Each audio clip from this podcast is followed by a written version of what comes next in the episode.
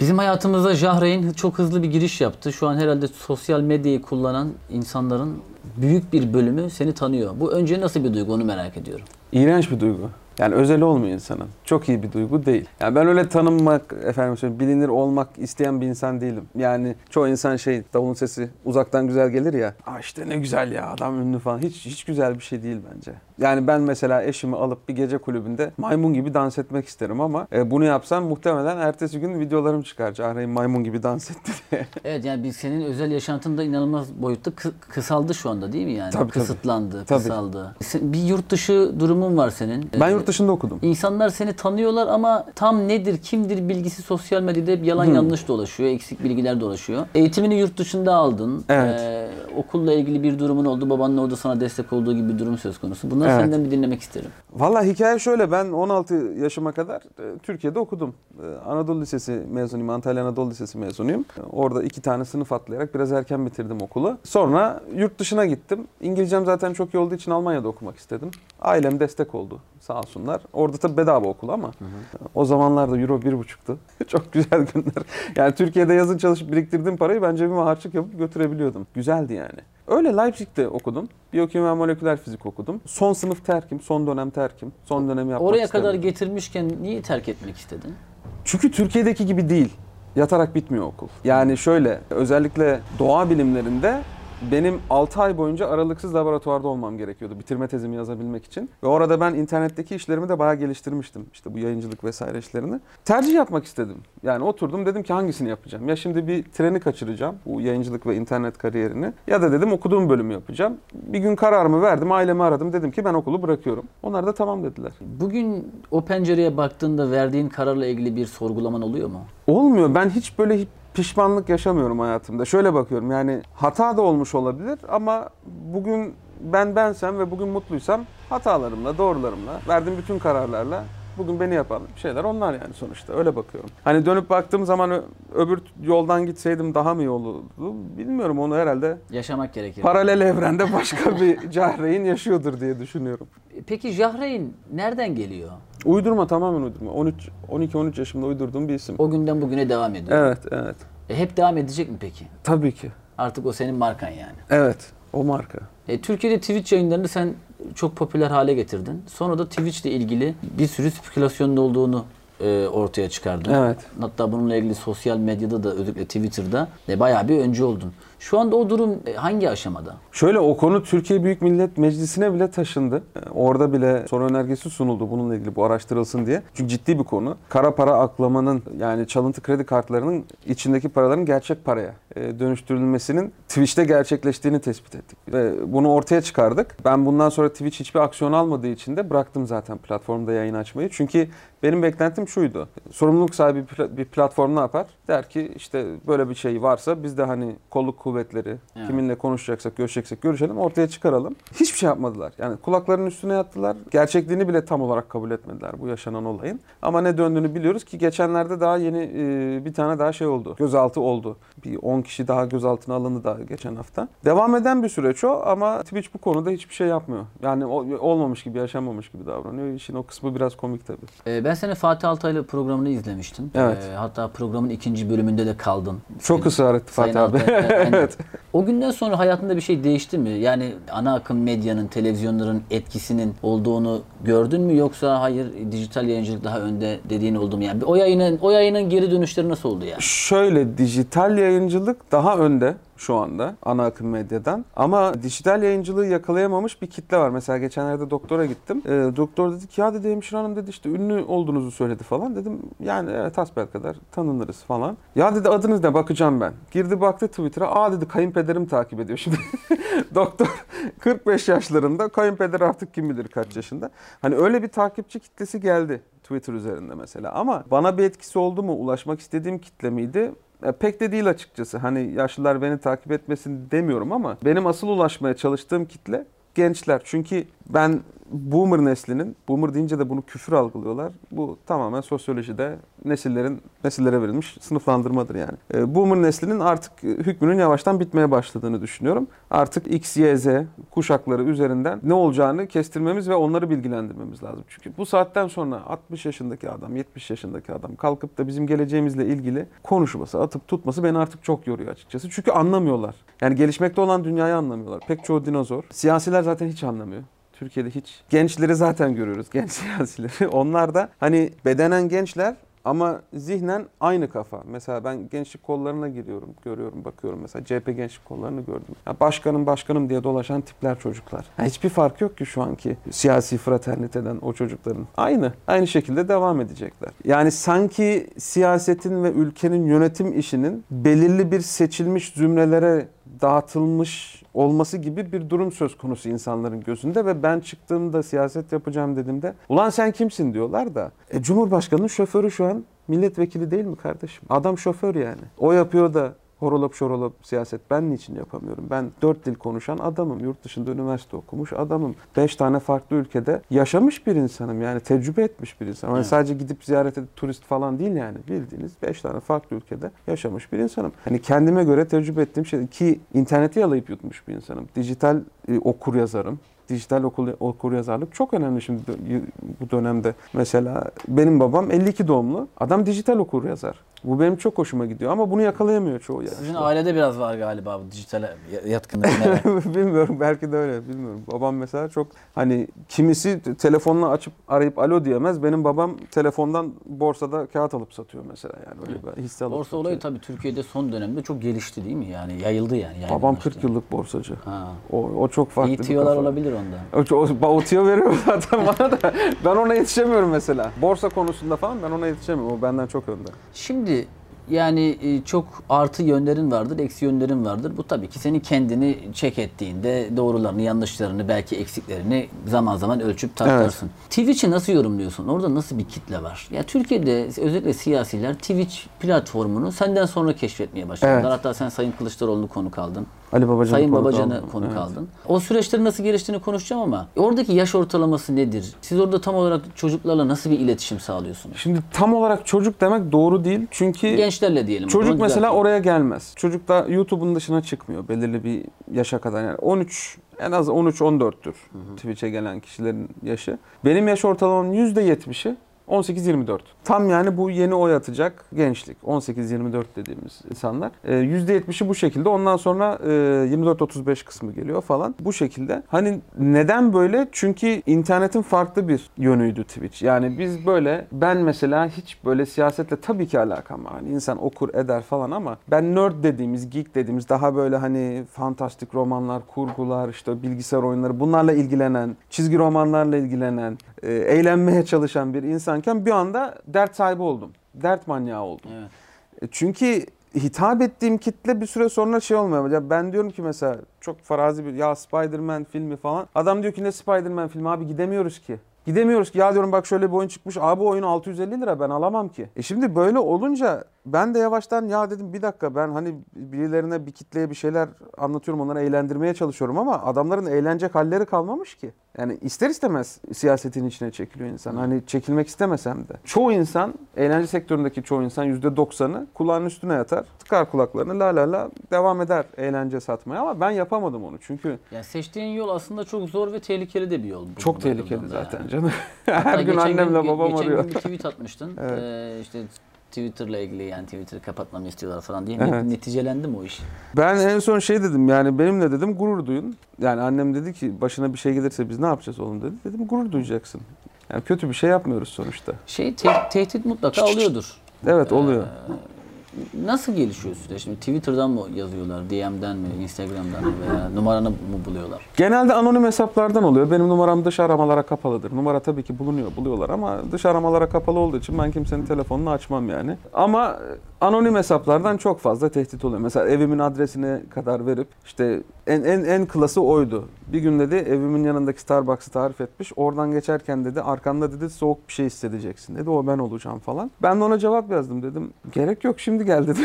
Çünkü şöyle bir şey var. Buna pabuç bırakırsanız ya da psikolojinizin bunun ta- tarafından ezilmesine izin verirseniz o işin sonu yok. O zaman hiç konuşamazsınız. Ben de konuşamazsam uyuyamam. Yastığa kafamı koyduğum zaman o gün mesela aklıma bir şey geldi ve söylemek istediğim bir şeydi bu. Ve ben bunu sırf aman tadımız kaçmasın diye söylemezsem ben uyuyamam. Öyle bir huyum var benim. Kendime ve evrene karşı olan sorumluluğumu yerine getirmediğimi düşünüyorum o tür durumlarda. E, rahatsız oluyorum, çok rahatsız oluyorum. O yüzden söyleme. Günün sonunda da benim ahiret ya da din inancım yok ama yani şöyle bakıyorum. bir kere yaşayacağım ve bu yaşantımda İstediğim gibi yaşayamayacaksam ne anlamı var yani korkudan ötürü kendimi baskılayacaksam yaşamanın da pek bir anlamı yok diye bakıyorum. Sosyal medyada insanlar e, seni takip ettiklerinde öncesinde inanılmaz muhalif bir isim olarak bilinçaltlarına yerleştirdi. Evet. Yani muhalifler bizden diye baktılar. Muhalifim zaten. Ta- Orada başka bir şey yapacağım ama Evet. muhafazakar camiada bu adam işte e, son dönemdeki en sert muhalefeti yapan isimlerden birisi diye baktı. Doğru. Fakat sonrasında sen birdenbire muhalefetin içerisindeki isimleri de eleştirmeye başladın. İşte Sayın Ekrem İmamoğlu'nu eleştirdin, Evet. diğer e, eleştirdiğin isimler oldu. E, Bunun tepkileri nasıl oldu muhalif, muhalefet içerisinde? Oo, AKP'lilerden daha kötüler. Yani ben yıllardır AKP'li linçi yiyorum. Aktrol diyeceğim. Aktrol linçi çok yiyorum. Oktrol linçi bambaşka bir seviye. Bambaşka bir seviye. Ya. Böyle bir linç kültürü yok. Ki beni çileden çıkartan, delirten kısım da o oldu. Çünkü ben hayatım boyunca şuna inandım. Ya muhalifler, yani en azından son 20 yılda buna inandım. İşte farklı, daha aydın, daha açık görüşlü, daha dünyaya açık. Öyle olmadıklarını görünce ben çok büyük yıkıntı yaşadım. Ya ciddi söylüyorum, psikolojim bozuldu. O zamana kadar hiçbir sıkıntı yoktu. Çünkü benim gözümde AK Partili dediğin adam ya zaten AK Partili işte ne olacak hani trollesin. Hani zaten ben onunla aynı fikre gelemem diye bakıyordum. Ama muhaliflerin bu kadar gerizekalı olduğunu gördüğüm zaman ben çileden çıktım. Çünkü mesela şöyle diyorum. Ya diyorum Ekrem İmamoğlu benim vergimle kendi reklamını yapan bir PR videosu çekmiş. Bu benim vergim. Ya Ekrem İmamoğlu cebinden ödemedi bunu. Ben bunu biliyorum. Bunu neden yapmış diye sorduğum zaman profilinde Finlandiya, İsveç bayrağı olan çocuk geliyor diyor ki ya ne var diyor birazcık iyi verse. Yani aslında hayali Finlandiya ve İsveç ve kendini kendini aydın zannediyor çocuk. E tamam da Finlandiya ve İsveç'te adam senin verginle kahvaltı yaptığı için soruşturma geçiriyor.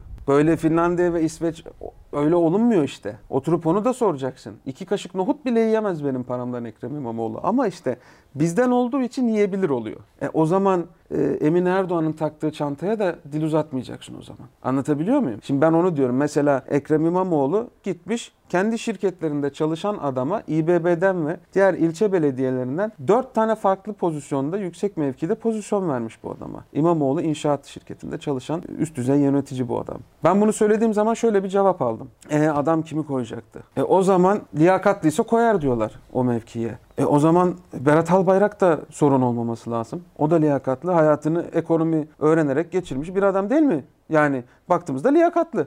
Ha, liyakatsizlik nedir? Bunu anlamış değiliz biz millet Berat, olarak. Bey, Berat Bey'in de eklemek açısından söylüyorum. Evet. Ekonomi alanında ciddi Tabii eğitimleri ki. var. Şeyi bilmiyorum yani işin arka tarafını. Hayır eğitim vermiş adam ekonomide. Berat Albayrak. Şimdi bana kalırsa liyakatlı bir atama mı? Kesinlikle değil. Cumhurbaşkanının damadının ne işi var? Ne bu? Biz aile şirketi mi? Ülke yönetilecek burada. Kesinlikle liyakatli değil. Benim demeye çalıştığım şey şu.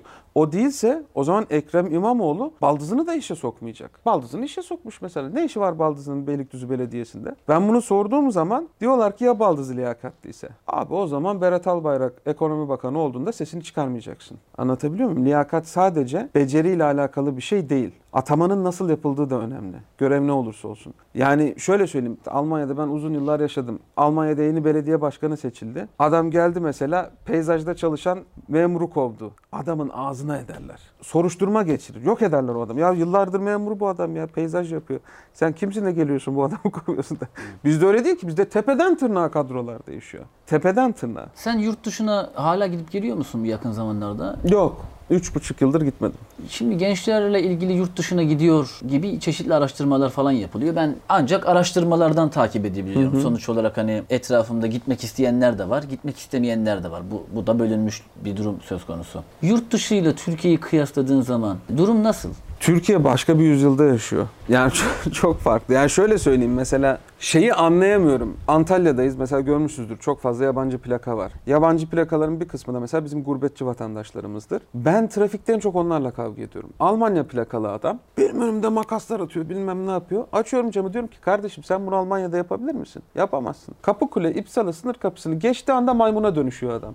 Yani orada trafik kurallarına uygun bir şekilde efendi gibi aracını direksiyonu çift koluyla tutan adam Kapıkule sınır kapısını geçtiği anda böyle ne, açıyor camı böyle makas atarak virajları böyle döne falan. Şimdi bunun alet ruhiye ile ortamla çok alakası var. Yani iki günde biz Hollandalıyı bozuyoruz. Adam kırmızı ışık dinlemeden sokakta yürümeye başlıyor falan. Yani böyle böyle tiplere dönüşüyorlar. Adam yılların Hollandalısı bozuluyor.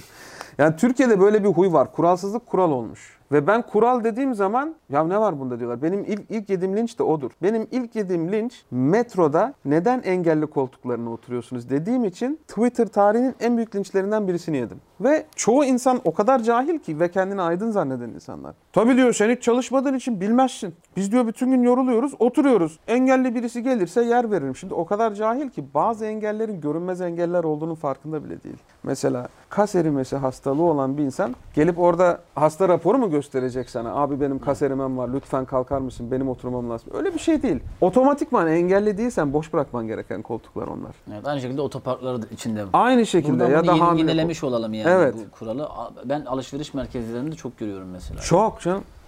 Engelli gelirse boşaltırız diyor. Hayır öyle bir şey yok. O koltuk boş kalacak. O rezerve zaten. O koltuk yokmuş gibi yaşayacaksın. İşte bunu anlatamıyoruz. Sonrasında ben bir video çektim. Bir kuple empati diye milyonlar izledi ve insanlar şöyle dedi. Ya ben hayvanmışım. Anlamamışım. Düşünememişim. Çünkü yani bazı engel var. Görünmez engel var. Efendim şimdi anlık gel git yapan engeller var. MS hastaları var mesela. Nerede ne e, engeli ne gün yaşayacağı belli olmuyor. Evet. Adam yani şimdi gelip sana tek tek anlatacak mı? Biraderim kalkar mısın? Yani böyle anlayamadığımız çok şey var Bir Türkiye'de. de kişi kendini o duruma sokmak da istemeyebilir. Yani orada Tabii otururken onu rahatsız etmek de istemeyebilir veya engelini dile getirmek de istemeyebilir. Bu, bu Yani- empati, empati önemli bir şey yani. Bu tip konularda o kadar geriyiz ki ve e, övündüğümüz yanlışlar var mesela Türkiye'de. Sokak köpekleriyle övünüyoruz. Biz hayvansever milletiz diye. Aslında 10 milyon tane köpeğe işkence yapan bir milletiz biz. Bak geldiniz gördünüz. Evet. Bunların hepsi sokaktan. Bu sokak köpeği, bu engelli. Bunun çişini kakasını ben elimle yaptırıyorum. Bu sokak köpeği. Öbürünü de gördünüz. 3 tane sokak köpeği var benim evimde. Ama ben gerçek bir hayvan severim. Yani 10 milyon tane köpeğe sokakta işkence etmenin hayvanseverlik olduğunu zanneden bir milletiz biz. Bana bugün İsviçre'den bir hanımefendi yazdı Twitter'dan. Diyor ki sen hayvan düşmanısın diyor. Hayvanların diyor itlaf edilmesini savunuyorsun. E dedim siz ne yapıyorsunuz İsviçre'de? Siz dedim ne yapıyorsunuz? İsviçre'de sokak köpeği yok ki diyor. Cehalete bakar mısın? Yok tabii çünkü itlaf ediyorlar. yani İsviçre'de her yıl 1 milyona yakın sokak köpeği Avrupa Birliği'nde 5 milyon köpek itlaf edilir. Öldürülür, uyutulur. Çünkü insanisi budur. Bu hayvan sokakta kaldığı zaman en fazla 4,5 yaşına kadar yaşayabiliyor. 15 yıl yaşayacak hayvan 4,5 yaşına kadar yaşayabiliyor. Şimdi 10 milyon tane sokak köpeği var. Bu önümüzdeki 5 yıl içinde 30 milyon olacak. Ondan sonraki 5 yıl içinde 80-90 milyon olacak. Yani ya şimdi 10 milyondan kurtulacağız ki gelecekte 100 milyon köpeği telef etmeyelim sokaklarda. Ya da bunu yapmayacağız ve köpekler üremeye devam edecekler. 10 milyon köpeği aynı anda kısırlaştırmak diye bir şey söz konusu değil. Ben bunu mesela anlatamıyorum insanlara. Anlamıyorlar. Çok cahiliz. Yani şunun için sokakta bir köpeğin başını okşayıp serotonin hormonunu salgılayacak ya anlık. Onun için 10 milyon köpeğin sokakta işkence, pislik, virüs, bakteri içinde yaşamasını onlara reva görüyor. Bu çok bencilce. 2023'te milletvekili adayı olacağını çok konuşuldu. Hatta olur mu olmaz mı falan dediler ama dünyada da örnekleri var bunun aslında. Ee, yani dijital dünyada var olup oradan iyi bir kitle yapıp meclise giren çok isim var. Evet. Sonra en son görüşmemizde vazgeçtim dedim. Ben onu aslında bilmiyordum. Evet. Seni vazgeçiren şey ne oldu? Ya öncelikle insanlara şunu anlatamıyoruz. Yani bana mesela diyorlar ki sen kimsin de milletvekili olacaksın işte. Sen bilgisayar oyunları oynayan adamsın. Ya çok affedersiniz yani Zelenski de piyano çalan adam. Videosu var. Bu adam komedyen. Skeçlerinden birisinde de gerçekten donunu indiriyor. Adam penisiyle piyano çalıyor. Tın tın tın. E şimdi Rusya'ya karşı e, yaşam mücadelesi veren, Rusya'ya nazaran küçük bir ulusun önderliğini yapıyor adam değil mi? Önceden yaptığım iş beni utandıracak bir iş değil. Yani ben kimsenin parasını çalıp çırpmadım. Yolsuzluk yapmadım. Yüzümü kızartan herhangi bir suç işlemedim. Eğlence sektöründeydim. Hala da öyleyim. Milletvekili olmak istememin sebebi ülkede milletvekili dediğimiz olgunun aslında hiçbir işe yaramayan bir grup insandan oluşmasından ötürü. Yani e, milletvekili olmak için ülkede adı üstünde milletin vekili, milleti temsil etmeniz gerekmiyor. Milletvekili meşruiyetini milletten almıyor milletvekili meşruiyetini genel başkandan alıyor. Bu ülkede genel başkana oy verilir. Yani mesela soruyorum. Nereden oy verdin abi sen? İstanbul. İstanbul'dan oy verdin. Kaç tanesini sayabilirsin içeri soktuğun vekilin oyununa? Ki sen siyasetle ilgili bir insansın Evet. değil mi? Sayamazsın. Baştan sona say mesela AKP'ye verdin diyelim. AK Parti'nin say abi İstanbul milletvekillerine. Yani çok en fazla 5 tane, 6 tane sayarsın. Hadi 10 tane saydın yani. İstanbul'dan kaç tane alıyor? 30'a yak, 30'un üzerinde. Yani 10 tanesini sayarsın belki o da çok ilgili olduğun içindir yani. Normal çinko karbon vatandaşı. onun birinci bölgesi var, ikinci bölgesi var, üçüncü bölgesi Tabii var. tabii 3 bölge İstanbul. Yani aslında bizde milletvekili enflasyonu var. Gereksiz bir milletvekili sayısı var. 600 küsur milletvekili var. Bunların her birinin resmi olarak iki tane atanmış danışmanı var. Resmi olarak birer tane makam şoförleri var. Ondan sonra zaten e, Türkiye Büyük Millet Meclisi koca bir lokanta. E, milletvekilleri habire e, şeylerini, ziyaretçilerini ağırlıyorlar. 3 liraya 5 liraya etler yiyorlar, bilmem neler yapıyorlar. Oranın temizliği, güvenliği, memuru, işletmesi, zaptı, zıptı, cartı, curtu derken sırtımızda büyük bir külfet. Bizim bu milletvekillerine ihtiyacımız yok. Çoğu da hiçbir işe yaramaz. En büyük örneğini vereyim Rümeysa Kadak. Şimdi Rümeysa Kadak milletvekilliğinden influencerlığa geçmeye çalışan bir arkadaşımız. Benim tam tersim. O olmuyor. Çok sırıtıyor zaten. Bir de influencerlıktan milletvekilliğine geçmeye çalışmak var. Onu da ben yapmaya çalışıyorum şu an. Yani şöyle bir durum var. Meşruiyet meselesi çok tartışmalı. Bizim demokrasimizde özellikle. Mesela siz oy verirken şöyle mi oy veriyorsunuz? Ya ben İstanbul ikinci bölgedeyim. İşte buradan CHP şu vekilleri sunmuş. O zaman CHP'nin kadrosu iyi. Hayır. Gidiyorsunuz Recep Tayyip Erdoğan deyip basıyorsunuz ya da diyorsunuz ki ha Kemal Kılıçdaroğlu piron benim ona basıyorsunuz. Bu yani bu. Hani bunun ortası yok. Ha, Amerika'da nasıl mesela? Amerika'da nasıl? Adamın eyvallahı yok. Senatodaysa eyvallahı yok. Ya da bir eyaletten geliyorsa parti liderine eyvallahı yok. Adam o eyalette sevilmiyorsa hiçbir şansı yok. Mümkün değil. İşte bizim de bu noktaya gelmemiz lazım. Ben Bunu- aslında Bu noktaya gelir miyiz bir gün? Türkiye bu noktaya gelir mi? gelemeyiz çünkü biz güce tapan, lider seven bir milletiz. Yani biz güce tapan yani Atatürk'ün asıl bitirmek istediği mesele de bu zaten. Yani ben At- Türkiye'de Atatürkçülerin de Atatürk anladığını hiç zannetmiyorum. Hiç zannetmiyorum. Ben mesela şey Atatürkçülerini ben hiç sevmem. Ah işte sarı saçlı, mavi gözlü. At- bu değil Atatürk. Hayır. Adam zaten bunu istemiyor. Adam diyor ki yani yeter diyor. Hani böyle bu lider sevdanızı bırakacaksınız. Lider sizsiniz diyor. Sizsiniz artık diyor. Siz olacaksınız diyor. Siz yöneteceksiniz diyor. Benim gibilerini siz çıkaracaksınız diyor. Yani bütün bütün hayatını buna harcamış. Bizimkiler her cenah böyle bu arada. Sağı, solu, bilmem nesi. Bakın kendini en demokrat addedenler de değil mi? Türkiye'de sol dediğimiz zaman, demokrat dediğimiz zaman HDP üstlenir bu rolü. Bana göre en faşisti HDP'dir. Eş başkan diye bir şey uydurmuşlar. Eş başkanlar ne işe yarar ki? Hepsi tek bir yerden komut alır. Oradan komut almayanı da sürerler. Nereden alır komutu? İmralı'dan. Oradan komut almayanı da ya dışlarlar ya sürerler ya da daha kötüsü infaz ederler. Bunlar yaşandı yani bu ülkede. Hala yaşanıyor. 2022'de yaşanıyor. Yani bu ülkede e, aslında hiçbir parti vaat ettiğini vermiyor. Geçen de öyle bir tweet attım zaten. Yani CHP'nin cumhuriyetçi olması gibi bir durum söz konusu değil. Cumhuriyeti sündüre sündüre ne hale getirdiler? AK Parti dindar bir parti değil. Din pazarlıyor AK Parti. Dönüyorsun bakıyorsun HDP demokrat değil. En faşist parti. İyi Parti milliyetçi asla değil. Milliyetçilik adına konuşamıyorlar bile. MHP'nin artıklarını topluyorlar. Baktığımız zaman Bu durumda ben 2023'te senin kime oy vereceğini şey yapamıyorum şu anda yani. ben kime oy veririm? Yani ben bir kere değişimin olduğun, olmasını istiyorum. Ne olursa olsun. Yani sebep ne olursa olsun, kim olursa olsun. Mesela o da çok konuşma şey oldu. İktidara ya- yakın ga- gazetelerde tuvalet terliği gelse ona oy basarım demem. Çok tartışma konusu oldu. Bunlar haberleri yapıldı. Basarım. Bu doğru bir bakış açısı mı? Evet doğru. Yani şu şu bakımdan soruyorum bunu. Hani bir manşet çıkarma niyetin falan yok. İstiyorsan cevap da vermeyebilirsin Evet. ama. Ee, şimdi sonuç olarak altılı masa diye bir şey yaşadık geçtiğimiz aylarda. Bu toplantılar yapıldı. Fiyasko diyelim. Rahat rahat söyle. Ee, fakat o beklenilen yani halkın beklediği sonuçlar çıkmadı gibi geldi bana. Yani Çıkmadı zaten. işte sonuç olarak bir kriz varsa buna bir çözüm önerisi sunulmadı. Sunulmadı. Kısa vadeli ekonomik programla ilgili bir şey sunulmadı vesaire vesaire. Böyle bir durumda 2023 ne olur? Şimdi oradaki mesele şu.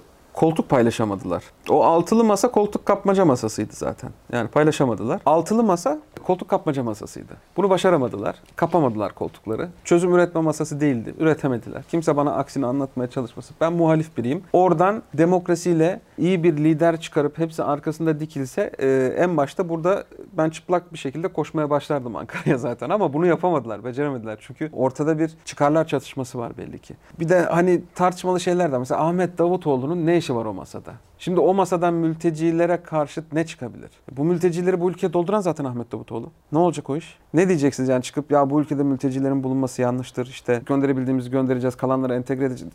Ne anlatacaksınız ki ne diyebilirsiniz yani? En azından Ahmet Davutoğlu'nun o masadan gitmesi lazım bunu konuşabilmeleri için. Yani o yüzden çok tutacak bir masa değildi. Ha tuvalet terliği meselesi ben artık değişmek zorunda olduğumuza yüzde yüz eminim. Çünkü AK Parti kadrolaşma partisidir. Her yerde kadrolaşmış adamlar. Yani her yerde, her yer AK Parti'nin kadrolarıyla dolu. Ha bu gitsin yerine CHP kadrosu gelsin isteyen birisi değilim ben. Zaten sosyal medya paylaşımlarım bunu gösteriyor yani. Ben Canan Kaftancıoğlu'nun dört tane başkan yardımcısı da İstanbul'un yani Canan Kaftancıoğlu'nun dört yardımcısı da bankamatik memurudur. Hepsini de çıkardım koydum. Hepsini. Tak tak tak bu burada çalışıyor, şu şurada çalışıyor. Neden çalışıyor, ne liyakati nedir? Hepsini koydum ben. Yani ben onu da istemiyorum. Ama artık ülkenin bir nefes alması lazım. Çünkü kafada artık şu var. Ya abi ben niye okuyorum? Niye çalışıyorum? Neden kendimi geliştiriyorum? Orada birisi torpille işe girmiş zaten. Bu oturdu artık yani. Ül- ülkenin normali bu oldu. Bunun bir değişmesi lazım. O yüzden tuvalet terliği bile gelse ben oyumu basacağım. 2023'te varsayalım ki farklı bir siyasi parti geldi. Bu dediğinin olmayacağı ile ilgili bir şey var mı? O da yok. Ne gibi? Yani, Yani onların kendi kadrolaşma ka- kendi mesela. kadrolaşmalarını Evet. kurması mı? Halk olarak bu sefer buna asla izin vermememiz lazım. Bir daha hiçbir şekilde izin vermememiz lazım ve bu konuda da çekebilirsem eğer yani yapabilirsem bayrağı en önde ben çekerim yani. Çünkü asla izin vermek istemiyorum bir daha böyle bir şeye. Yani bu ülkenin kıymetli gençleri, kendini yetiştirmiş gençleri eğer kendilerine kadro bulamıyorlarsa onun yerine X kişisinin tanıdığı giriyorsa hangi cenahtan olursa olsun ben bunun karşısındayım ya. Ben bunun karşısındayım. Bu. Benim bütün durduğum nokta anlatmaya çalıştığım şey bu. Benim siyasetim de bu. Peki 2023'te ne olur? Sen sonuç olarak hem gençlerle diyalog halindesin hem sosyal medyayı takip ediyorsun, biliyorsun, bakıyorsun, Evet. inceliyorsun, analizler yapıyorsun. İkinci tura kalacağız. İkinci turda muhalefetin adayı çıkacak. Bunu daha hiç adayı görmeden söyleyebiliyor musun? Yüzde yüz. Yani Türkiye'de öyle bir hava kokluyorsun yani sen. Şu anki havayı öyle kokluyorum ama yine bombalar bombalar patlar mı orasını bilemeyiz. Anladım. Daha önce yaşanmış bir hikaye. Göreceğiz ama ben şu anda ne olursa olsun benim kokladığım hava bu. En azından 18-24'te bu %100. Ama şeye bakıyorum hani çok bağlı olanlar bile iktidara onlar bile ya bir değiştirelim ne olacak moduna geçmiş durumdalar. Öyle görüyorum en azından. E, Türkiye'de iki temel problem var. Bir, iktidar cephesi diyor ki ya biz hiç güzel bir şey yapmıyor muyuz? Bunları hiç söylemiyorsunuz Yapıyor. diyor. Muhalefet de hep eleştirmeyi tercih ediyor. İktidar da yani gazeteciler açısından söylüyorum bunu. Muhalefetin hiç olumlu bir şeyini görmüyor. Yani bir şey söylediği zaman hemen işte ya nasıl olsa bunu muhalefet söylüyordur diye tepki veriyorlar, karşı çıkıyorlar. Bu hem yerel yönetimler açısından böyle hem de siyasi kadroların üst e, milletvekilleri açısından bunu söylüyorum. Sence mesela iktidarın doğru yaptığı hiçbir şey yok mu? İktidarın doğru yaptığı şeyler tabii ki var. Ama iktidar doğru yaptığı her şeyi sopa olarak kullanıyor. Sıkıntı da buradan çıkıyor zaten. Mesela çok basit bir örneğini vereceğim. Dün bana bir arkadaşım yazdı. Bir tane ilçede şu an aklımda değil. Çok fazla mesaj okuyorum ben. Takipçilerimden gelen mesajları okuyan birisiyim. Çocuk diyor ki muhteşem bir kütüphane kurdular. Harika gerçekten çok iyi. Gidiyorum oraya. İşte kız arkadaşımla gitmek istedim. Kız arkadaşımla gittik. Güzel güzel oturduk, ders çalıştık, kitapları okuduk vesaire falan. İnternette hızlı falan kullandık, ettik. Sonra çıkmışlar dışarıda oturmuşlar. E, yanlarında getirdikleri sandviçleri yemişler. Yan yana oturmuşlar. Abi diyor ne öpüşme var, ne kıza dokunuyorum, ne başka bir şey. Gelmiş kütüphane çalışanı demiş ki burada yan yana oturamazsın kız arkadaşınla. Ayrılın. Şimdi anlatabiliyor muyum? Bu yaptığı bütün iyiliği sıfırlıyor. Ya da mesela ne yapıyor? Çalış, ders kitaplarını bedavaya dağıtıyor. Ama ders kitabının zaten büyük bir kısmında kendi doktrinizasyonunu yapıyor. E yine sıfırlıyorsun sen orada. Yani açıyorsun bir bakıyorsun AK Parti ile ilgili şeyler yazıyor. İşte e, şunu öven hikaye, bunu öven hikaye. Yani bu şekilde davrandığı için ya da mesela bir şey yapıyor. Diyor ki biz bunu yaptık. Ya da mesela ben şeyleri görüyorum. Bu çok klasiktir.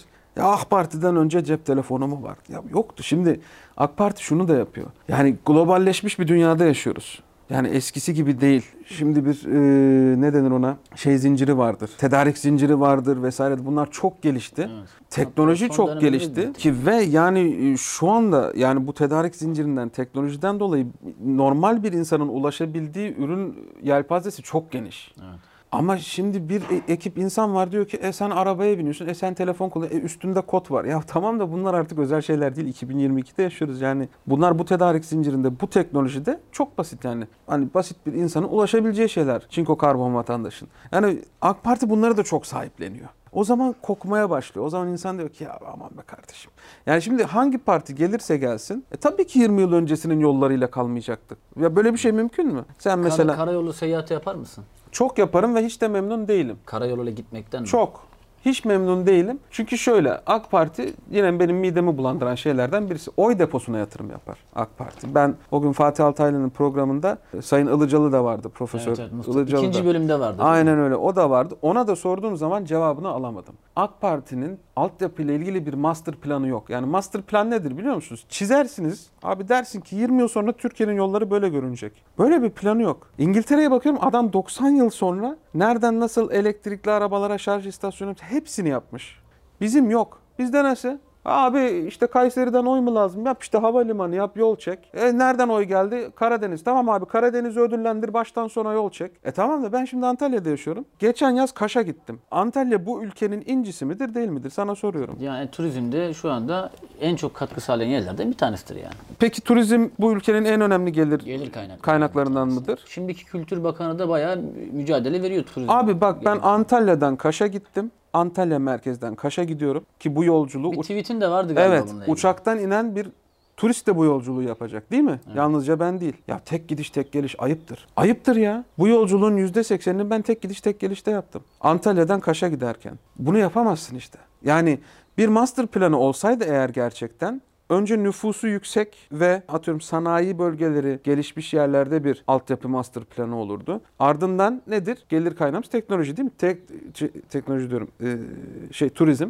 Turizm bölgelerinden bir e, şey olurdu. E, turizm bölgelerine bir altyapı yatırımı olurdu. Ondan sonra şimdi Karadeniz'de Allah aşkına Karadeniz'i küçümsemek için söylemiyorum. Benim eşim Arhavili yani Karadenizli bir eşim var. Kesinlikle öyle bir şey söz konusu değil ama yani Karadeniz'i boydan boya yol döşemenin tek bir sebebi vardır. İstanbul'da ve diğer büyük şehirlerde büyüyen, biz oy veren Karadenizli nüfus memleketine dönerken sorun yaşamasın, mutlu olsun, yüzü gülsün. İşte yurt dışından gelenler dümdüz bassın gelsin Almanya'dan memleketine gitsin.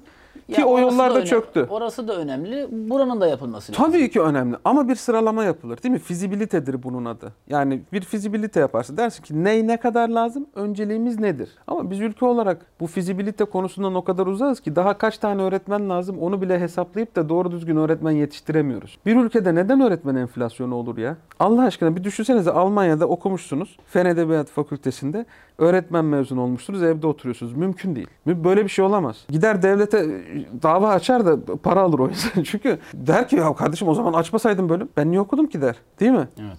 Gençlerin yurt dışına çıkmak istemeyle ilgili bir durumları söz konusu ya aslında biraz önce onu sordum da o biraz kaynadı arada. Sen sahada gerçekten böyle bir talep görüyor musun? Yüzde yüz. Yani genç gençler gerçekten yurt dışına gidiyorlar mı? Gidiyorlar. istiyorlar mı? Evet. Rakamlar da belli zaten. Yani doktorlar en basit örneği. Ben bir an- anket görmüştüm. %60'ın üzerinde bir gitmek isteyen şey vardı. Tabii tabii tabii. Ee, doğru mu yanlış mı bilmiyorum tabii yani. Ya, İnanılmaz şu anda. Yani daha dün dün bir tane burada buraya gelen usta yeğenini getirmiş. Çocuk benimle tanışmak istemiş. Kız diyor ki ben diyor bir yandan Almanca kursuna yazıldım diyor. Üniversiteyle beraber paralel Almanca kursunu götürüyorum ki hani bittiğinde gideyim diyor. Peki yurt dışındaki şartlar buraya oranla ne durumda? Muazzam, muazzam. Yani tartışılmaz. Ben şey tartışmalarını çok görüyorum. İşte orada şu kadar euro. Şimdi bir kere şunu anlamak lazım. Yurt dışı ile Türkiye'nin yaşam koşullarını tartışırken birincil anlaşılması gereken şey şu. Yüzde kaç asgari ücret alıyor? Almanya'da bu rakam yüzde iki falan. Yani Almanya'da asgari ücret alabilmeniz için şu. Şunu alıp buraya koyarsın. Günde bunu 100 kere yaparsın asgari ücret alırsın. Anlatabiliyor muyum? Asgari ücret o kadar az ki. Türkiye'de en son yayınlanan rakam yanılmıyorsam 2017 ya da 2018'de olması lazım. Yarısından fazlası asgari ücretle çalışıyor bu ülkede çalışanların. Şimdi 2022'de kaç olmuştur o bilmiyorum. Ve son asgari ücret zammından sonra asgari ücretle maaş alanların bir kısmı da paranın bir kısmını gidip işverene geri veriyor. Bunu da biliyoruz yani. Şimdi bu, bu- böyle şeyleri saklamanın e, anlamı yok. Böyle şeyleri saklamanın anlamı yok. Sonuçta bu ülkenin İçişleri Bakanı çıkıp kaçak göçmenlerin e, sigortasız çalıştırıldığını ve bunları gönderirsek işverenlerin kötü duruma düşeceğini itiraf etmiş bir İçişleri Bakanımız var sonuçta. Yani şimdi şöyle yurt dışında %3 diyorum asgari ücret değil mi? Diğer insanlar 2000, 3000, 4000 artık kaç euro alırsa ve şöyle bir durum vardı. Ee, bir kasiyer işinden nefret etmez. Kendisine saygı duyar. Böyle bir şey Türkiye'de çok zordur. Kendinize saygı duymanız için önce öncelikle işinizin karşılığını para olarak almanız lazım. Ondan sonra işinizden tatmin duymanız lazım. Almanya'da bir kasiyere atar yapamazsınız. Çok kötü rezil eder sizi. Türkiye'de görürsünüz hep. Yani ben yapmam ama kasiyere, garsona, bu tip çalışanlara, işçilere çok e, sert davranan müşteriler olur mesela. Ve o da boynunu büker genelde. Çünkü böyle oturmuş. Yapacak bir şey yok. Yani e, yaşam şartları dediğimizde alım gücü inanılmaz. Alım gücü inanılmaz. İnanılmaz yani böyle bir şey olamaz. Gittiğinde zaten insanlar fark ediyor ve en önemlisi insan olduğunuzu hissediyorsunuz. İnsan olduğunuzu hissediyorsunuz. Bu çok çok ilginç bir duygu. Ben yani her ne kadar burada halim vaktim yerindeyse de ekonomik olarak durumum iyi. Asbel kadar tanınmış bir insanım. Ben burada insan olduğumu hissetmiyorum döndüğümden beri. Üç buçuk yıl oldu. İnsan olduğumu hissetmiyorum. Ama işte bir tartı var. Hassas bir kantar var. Yurt dışında yaşamak mı? Burada yaşamak mı? Şu anda burada yaşamak benim için daha iyi. Gelecekte ne olur bilmiyorum. Evet. En azından sen şu anda buradasın yani. Evet, şu anda buradayım ve o, burada olduğum için de burayı daha iyi bir yer haline getirmek için savaşmak zorunda hissediyorum kendimi. Muhalefet tarafıyla bir diyalog kurma girişimi oldu mu hiç muhalefet tarafının? Siyasi, muhalefet siyaset partilerinin ya da liderlerinin, danışmanlarının? Nasıl yani bu programlardan önce mi sonra mı? Yani şu an işte yakın zamanda, şimdi, önceki gün, dün şu bakımdan söylüyorum. Çünkü sen sonuç olarak Twitter'da etkili bir isimsin. Ve muhalefetle ilgili de çok sert eleştiriler yapıyorsun ve bunlar bir şekilde içeride çok fazla konuşuluyor. Ee, işte en son e, Sayın İmamoğlu ile ilgili yaptığın eleştiri. Ya bunları dur, bun- bunları durdursan, görmesen, yapmasan falan filan gibi. Şimdi ben o çok komik. İmamoğlu şey yazmış. 18, 19, 20 Mayıs'ta boşum. İşte benimle ilgili kırgınlıkları, dargınlıkları, yorumları olan insanlar varsa onlarla görüşmek isterim yazmış. Ben de tweet attım kendisini taglayarak. Ya ben gördüm o tweet'i. Hatta Evet. ben o gün müsaitim falan. Evet. Hatta Murat Ongun'da benim numaram da var. Daha önce başka bir konu hakkında görüşmüştük kendisiyle. Dedim ki Murat Ongun'da numaram var. O zaman Murat Ongun henüz kovulmamıştı. Gerçi kovulmadı. Pozisyonu iptal edildi diyelim. Henüz pozisyonu iptal edilmemişti. Murat Ongun dedim beni arayabilir. Müsaitseniz ben 19 Mayıs'ta kendi biletimi alıp İstanbul'a gelip görüşmek isterim dedim. Hiçbir geri dönüş olmadı. Şimdi şöyle yani bu açıkçası benim gözümde AK Parti tutumundan hiçbir farkı yok. Evet ben İmamoğlu'nu eleştirdim. Evet sert eleştirdim. Haklı mıyım haksız mıyım Ke- kendisini açıklayabilir. Yani beni görmemezlikten gelmek ne oluyor biliyor musunuz? Ben senden üstünüm diyor. Ben farklı bir klasmandayım diyor. Ama benim tweetimi 6 milyon insan gördü. 6 milyon insan ne demek? Yani sosyal medyada ciddi bir rakam yani. O gerçekte de ciddi bir rakam. 80 milyonluk ülkeyiz biz. Hayır şey anlamında söyleyeyim yani veri olarak sosyal medyada 6 milyon Tabii ki canım. için iyi bir yani rakam. her ama yani gerçekte de her e, 20 insandan 3'ü görmüş oluyor değil mi? Yani her 20, sokakta 20 tane insanı çevirip bu tweet'i gördün mü desen en az 3 tanesi diyecek ki evet ben gördüm o tweet'i. Yani böyle bir erişim ana haber bültenlerinde yok. Yazdığım tweet tamamen İmamoğlu ile ilgili. Canan Kaftancıoğlu ile ilgili. Onların liyakatsizlikleriyle ilgili. Ve tweet'i de şeyle bitiriyorum zaten. İmamoğlu'nun sözleri var. Kendi sözleri. Kendi sözleri. Diyor ki kardeşim eş dost benim diyor bulunduğum yerde işe giremez. Neymiş liyakatlıymış. Gitsin başka yerde yapsın işini. Benim akrabam işe giremez. E Baldızı'nın ne işi var? Ne işi var? Canan Kaftancıoğlu'nun dört tane Yardımcısının ne işi var? Senin şirketindeki yöneticinin ne işi var? Liyakat, ahbap, çavuş, dost ilişkisi bitecek diyerek bize bunu vaat ederek ve benim oyumu alarak ben İmamoğlu'na oy verdim. O zaman yeni dönmüştüm ülkeye. İkametim ablamın yanındaydı, Maltepe'deydi. İmamoğlu'na oy verdim. Benim oyumu aldı ve beni istismar etti. Beni kullandı İmamoğlu. Hiç fark etmez. Ben tanımış birisi olabilirim. Hali vakti yerinde birisi olabilir. Ben günün sonunda Türkiye Cumhuriyeti vatandaşıyım ve bu demokraside en kıymetli, en değerli şeyimi verdim. Oyumu verdim. İmamoğlu oyumu aldı ve beni istismar etti. Bu kadar. Bana diyorlar ki kişisel bir hıncın mı var? Evet var. Kişisel bir hıncım var İmamoğlu'na. Yani ben gerizekalı koyun değilim ki oyu verdim. Ben İmamoğlu'na aşık değilim ki. İmamoğlu benim için bir belediye başkanıdır. Bir çalışandır. Ben onun patronuyum. Nitekim oyu veren benim. Tabii ki çalışanıma arada bir dönüp bakacağım kardeşim sen ne yapıyorsun diye. Bu sadece İmamoğlu için de geçerli değil. Aynı şekilde vekiller için de geçerli. Hepsi benim vergimle maaş alan insanlar. Şimdi benim dediğim zaman diyorlar ki amma vergin var mı senin? Hayır senin de vergin ya. Ya çikolata yiyorsun 3 tane. Affedersin tuvaletini yapıyorsun. 6 farklı vergi ödüyorsun ya tuvaletini yaptığında. Yok gider vergisi bilmem ne var. Nefes alan herkes vergi veriyor. Ve bu para ağaçlarda yetişmiyor. Yani insanların Türkiye'de bunu anlaması lazım. Devlet parayı böyle ağaçlardan toplamıyor. Senden, benden, ondan aldığı parayla bir şeyler yapıyor. Milletvekillerine veriyor, belediyelere veriyor, belediyeler bir şeyler yapıyor. Sonuçta bu bizim paramız. Ve bu parayı yönetmekle görevlendirdiğimiz insanlar var. Bunlar bizim çalışanımız ve biz bunları devamlı kontrol altında tutacağız. Ekrem Bey'e karşı bu yoğun ve sert eleştiriler gelince acaba Kılıçdaroğlu cephesinden bir operasyon mu diye. Gerçi siyasetin son dönemde en çok konuştuğu şeyler bunlar. Evet. İşte o ona operasyon yaptı, o ona operasyon yaptı. Böyle bir şey e, konuşuldu sosyal medyada. Kemal Bey'le var mı böyle bir diyalog? Gülüyorum ya. Gülüyorum. Yani Kemal Bey ile bizim buluşmamızı gerçekleştiren gençlik kollarından bir tane çocuk var hatta. iki gün o, o tweet'i attıktan iki gün sonra onlar Antalya'ya gelmişler bir düğüne. Abi dedi Antalya'dayım bir buluşalım mı falan. Ben de taşınmayla uğraş, uğraşıyordum. Dedim yok buluşamayız ama telefonda konuşalım işte. Yoldayken konuştuk. Onlar da çok gülüyorlar böyle şeylere. Gülüyorlar yani. Hani bu bahsettiğim kişi Kemal Kılıçdaroğlu'na yakın bir kişi. Ya diyorum bak böyle böyle diyorlar falan. Hani Kılıçdaroğlu tarafından fonlanıyormuşum. Onun oyunuymuş falan. Ya böyle şeyler pek var mı CHP içinde bilmiyorum. Bir Kılıçdaroğlu cephesi, bir İmamoğlu cephesi, bir Mansur Yavaş cephesi var mı bilmiyorum. Varsa da açıkçası benim hiç umurumda değil. Günün sonunda gerçekten hiçbir siyasi umurumda değil.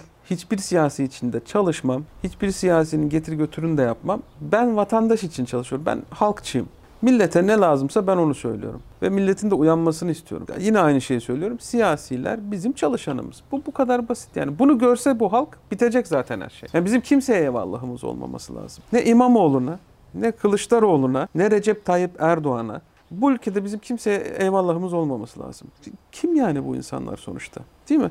Gelip geçici görevlendirilmiş Bizim oyumuzda tabii ki belirli bir kesimi temsil eden insanlar. Ve hata yaptıklarında ilk aslında oy verenin eleştirmesi lazım. Benim de zaten e, Ekrem İmamoğlu ile ilgili bu kadar sinir olmamın sebebi bu. Çünkü oy verdim. Oy vermesem bu kadar üstüne düşmezdim. Bugün seçim olsa ve- vermezsin. Mümkün değil. Hayatta vermem. Şey geliyor yani. Vermem. Konuşmalarına istinaden ben. Yok. Karşısında kim varsa ona basarım. Açık ve net. AK Partili olsa da mı? Basarım. bir şey söyleyeyim. Antalya'da inanılmaz derecede memnun değilim mesela ben ve etrafımdaki herkes de aynı şeyi söylüyor. Evet, Kimse Muhittin Böcek'ten memnun değil. Ya ben değilim. Her yerde siz de geldiğinizde görmüşsünüzdür. Antalya'ya bugün indiniz. Evet. Sizden ricam var. Havaalanına giderken çekin. 100 metrede bir fotoğrafı. Yani Muhittin Böcek'in botokslu suratını görmekten karımın yüzünden çok görüyorum ben Muhittin Böcek'i. Karımın suratından çok Muhittin Böcek'in suratını görüyorum. Peyzaj çalışması Muhittin Böcek, bilmem ne Muhittin Böcek. Her yerde surat. Yoruldum yani. Bunu da bir eleştiri olarak iletmiş olalım. Ben yani bir muhalif bir olarak. insan olarak, bir oy veren olarak iletiyorum ki böyle bir fetişleri var. Fotoğraf fetişi. Her yerde Muhittin Böcek. Vallahi konuk olduğun için çok teşekkür ediyorum. Ee, Aldığınız için ben teşekkür ederim. Estağfurullah. Ee, sonuç olarak dijital dünyada, dijital iletişimde e, milyonlarca insanla bir bağı olan, seveni de olan, sevmeyeni de olan. Sen aslında ben seni biraz da siyasilere benzetiyorum. Sevenin de çok fazla var, sevmeyenin de çok fazla var. Araştırmacı tarafın inanılmaz güçlü. E, Hatta ben geçen senin tweetlere bakarken bayağı araştırmacı gazetecilik yolunda falan diye şey yaptım. Öldü çünkü bu Türkiye'de. Araştırmacı gazetecilik yok. Ben şöyle bir de hani insanlar zannediyor ki ben inanılmaz araştırmalar yapıyorum. Evet birkaç dosyayı gerçekten ben kendim araştırdım. Doğru. Fakat bu kadar çok araştırıp bu kadar korkusuzca konuşunca bu sefer insanlar size çok geliyor. Mesela İBB ile ilgili İBB çalışanları geliyor. Gençlik Spor Bakanlığı'ndan Gençlik Spor Bakanlığı çalışanları geliyor. Bana anlatıyorlar. Yurtlarda çalışanlar gelip bana anlatıyorlar belgeleriyle. Ben onaylıyorum. Mesela bana bir şey anlatılıyor. Bakıyorum otantik bir olay mı? Gerçekten doğru mu? Doğruysa kendim onaylayabiliyorsam açık kaynaklardan çıkıyorum bunu paylaşıyorum mesela. Yani araştırmacı gazetecilik zaten bu şekilde oluyor. En azından günümüzde böyle. Eskiden nasıl yapıyorlardı bilmiyorum. yani günümüzde böyle. Ben birkaç tane olayı kendim çıkardım. Yani mesela EKAP değil mi? Bu EKAP nedir? İhalelerin bulunduğu bir sistem. Yani. EKAP'ı çok yayınlıyorum. Diyor ki sana bu bilgi kimden geldi? Kimden? Ya EKAP ya. Açık diyorum girsen de bak. Yok diyor sus diyor. Seni diyor kimler yemliyor bu bilgilerle? Abi herkes açık devletin web sitesi. ihaleler orada yazıyor yani. Yaz ihale numarası. Bu doğru mu değil mi? Ya mesela girip önerimdir itfaiye öncü aracı diye aratsınlar. Baksınlar mesela. Ben böyle fantazilerim var. Giriyorum araştırıyorum bakıyorum. Öyle yani. Dijital dünyadaki lakabı Jahreyn bugün konuğumuzdu. Sevgili Ahmet'e çok teşekkür ediyorum. Bizi kırmadı. Bence önemliydi. E, çünkü son dönemde insanlar sadece kendine yakın gördükleri veya kendine benzeyen insanlarla konuşuyorlar. Muhtemelen birçok konuda fikirlerimiz, görüşlerimiz ayrı ama en azından sohbet edebilmek anlamında, iki bardak çayı yan yana içebilmek anlamında önemli bir mesaj olduğunu düşünüyorum bunu. Evet. Ve bunun da yaygınlaşması gerektiğini düşünüyorum. Çünkü, Keşke. Çünkü herkes sen sana benzeyenle çay içiyorsun, ben bana benzeyenle çay içiyorum. Ee, ve buradan bir biz çıkmıyor. Yani bizim görüşlerimizin ayrı olduğu yerler mutlaka vardır, olacaktır da zaten. Herkes birbirine benzemesi mümkün değil. Çünkü öyle bir dünya zaten korkunç bir dünya olur. E, ama umarım biz de bu konuda bir öncülük yapmış oluruz diye düşünüyorum. E, katıldığın için tekrar teşekkür ediyorum. Ben teşekkür ederim. Haftaya yeni bir konukla karşınızda olacağız.